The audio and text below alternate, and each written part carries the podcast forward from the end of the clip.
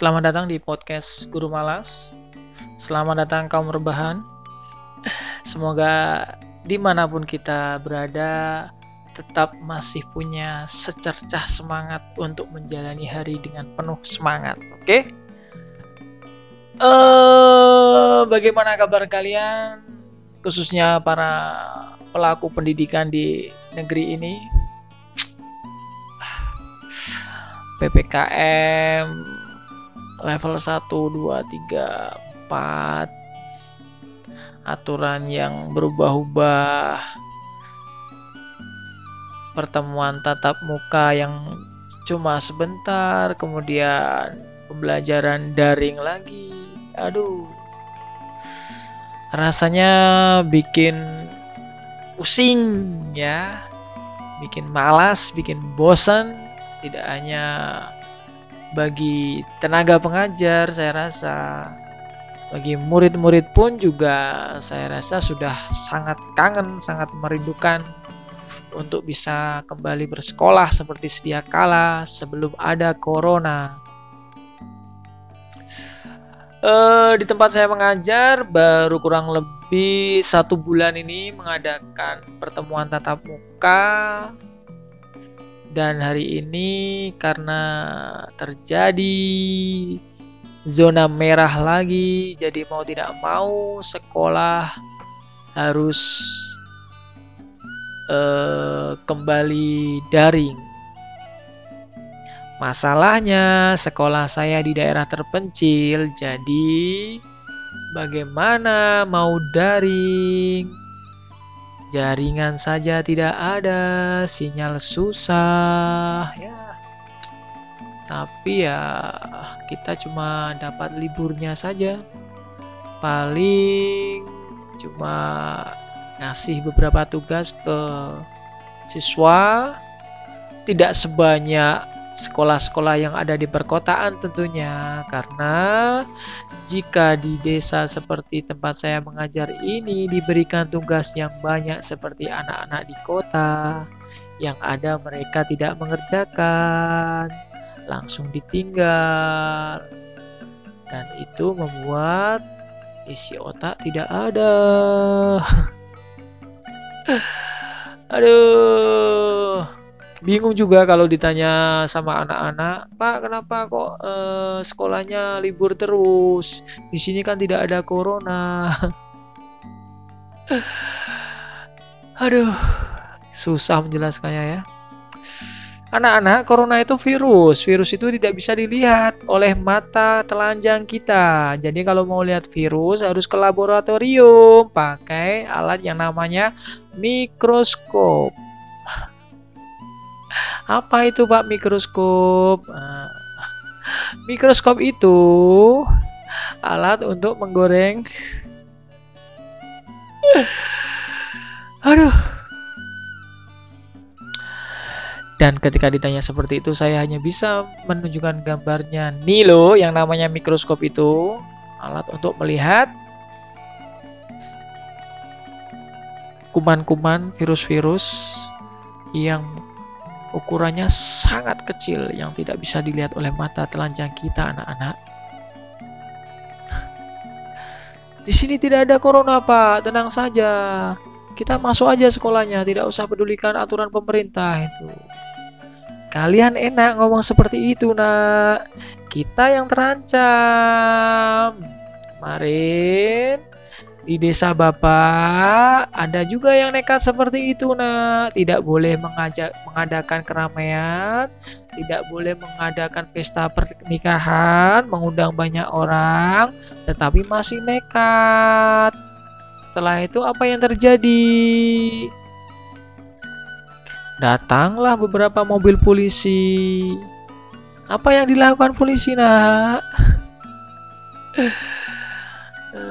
menangkap orang yang punya hajatan. Terus hajatannya gimana? Ya dihentikan. Yang rugi siapa? Ya orang yang tidak nurut. Nah, kalian mau sekolah kalian ditutup, tidak dikasih izin untuk mengadakan apa? Eh, belajar mengajar? Jangan, Pak. Tapi kalau main ke sekolah masih boleh-boleh. Kalau main ke sekolah nggak usah pakai seragam sekolah, pakai seragam bebas saja. Nanti jumpai bapak ya. Kalau misalnya kalian ada yang ingin belajar membaca, kan kalian tahu kalau kalian eh, membacanya kurang lancar. Kalau kalian bapak suruh belajar di rumah, pasti kalian tidak akan belajar. Karena kata uh, ayah sama mama kalian juga seperti itu. Kalau kalian dikasih tugas, banyak nggak belajarnya. Jadi kalian hanya belajar ketika di sekolah saja.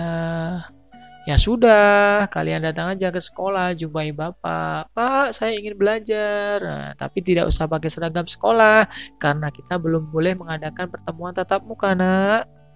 Nanti kalau sudah bebas mengadakan tatap muka, nah baru kita sekolah seperti sedia kala. Untuk saat ini kita ikuti aja panduan dari pemerintah, kita ikuti aturan pemerintah. Sekali-kali jadi warga negara yang baik, taat uh, asas ya. Tetap ikuti protokol kesehatan. Jaga jarak. Bukannya uh, Bapak ini uh, ingin memisah-misahkan kalian, tapi memang kalian tidak boleh duduk rapat-rapat itu karena untuk mencegah penyebaran virus corona. Nak. Begitu kata berita. Terus jangan lupa ya, setiap uh, habis memegang apa saja, kalian cuci tangan ya supaya tangan kalian bebas dari kuman. Jangan lupa pakai masker. Ya, maskernya habis dipakai dicuci. Ya, begitu ya.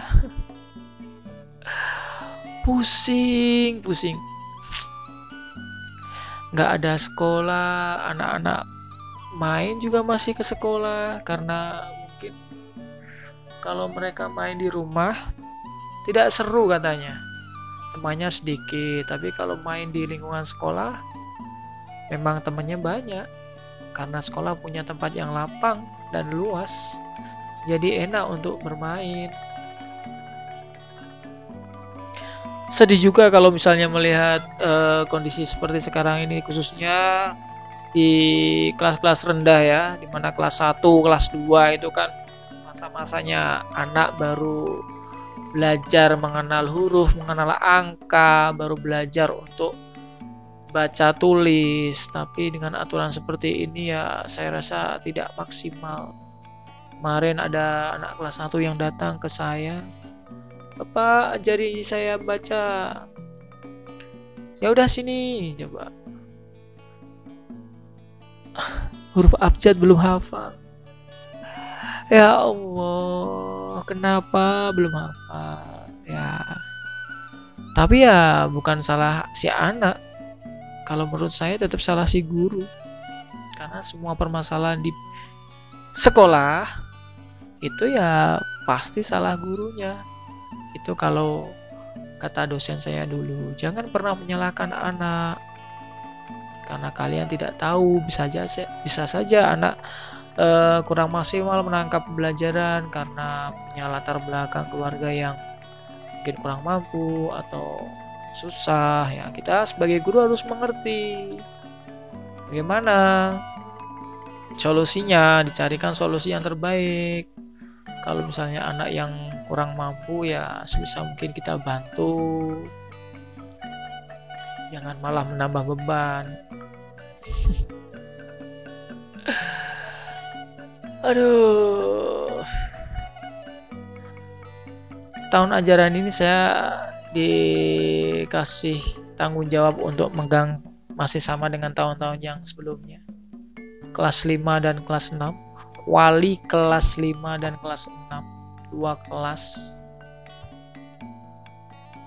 Karena memang sekolah kami kekurangan guru jadi ya ada beberapa guru yang uh, menjadi wali kelas di beberapa kelas termasuk saya yang jadi wali kelas di dua kelas sekaligus kelas 5 dan kelas 6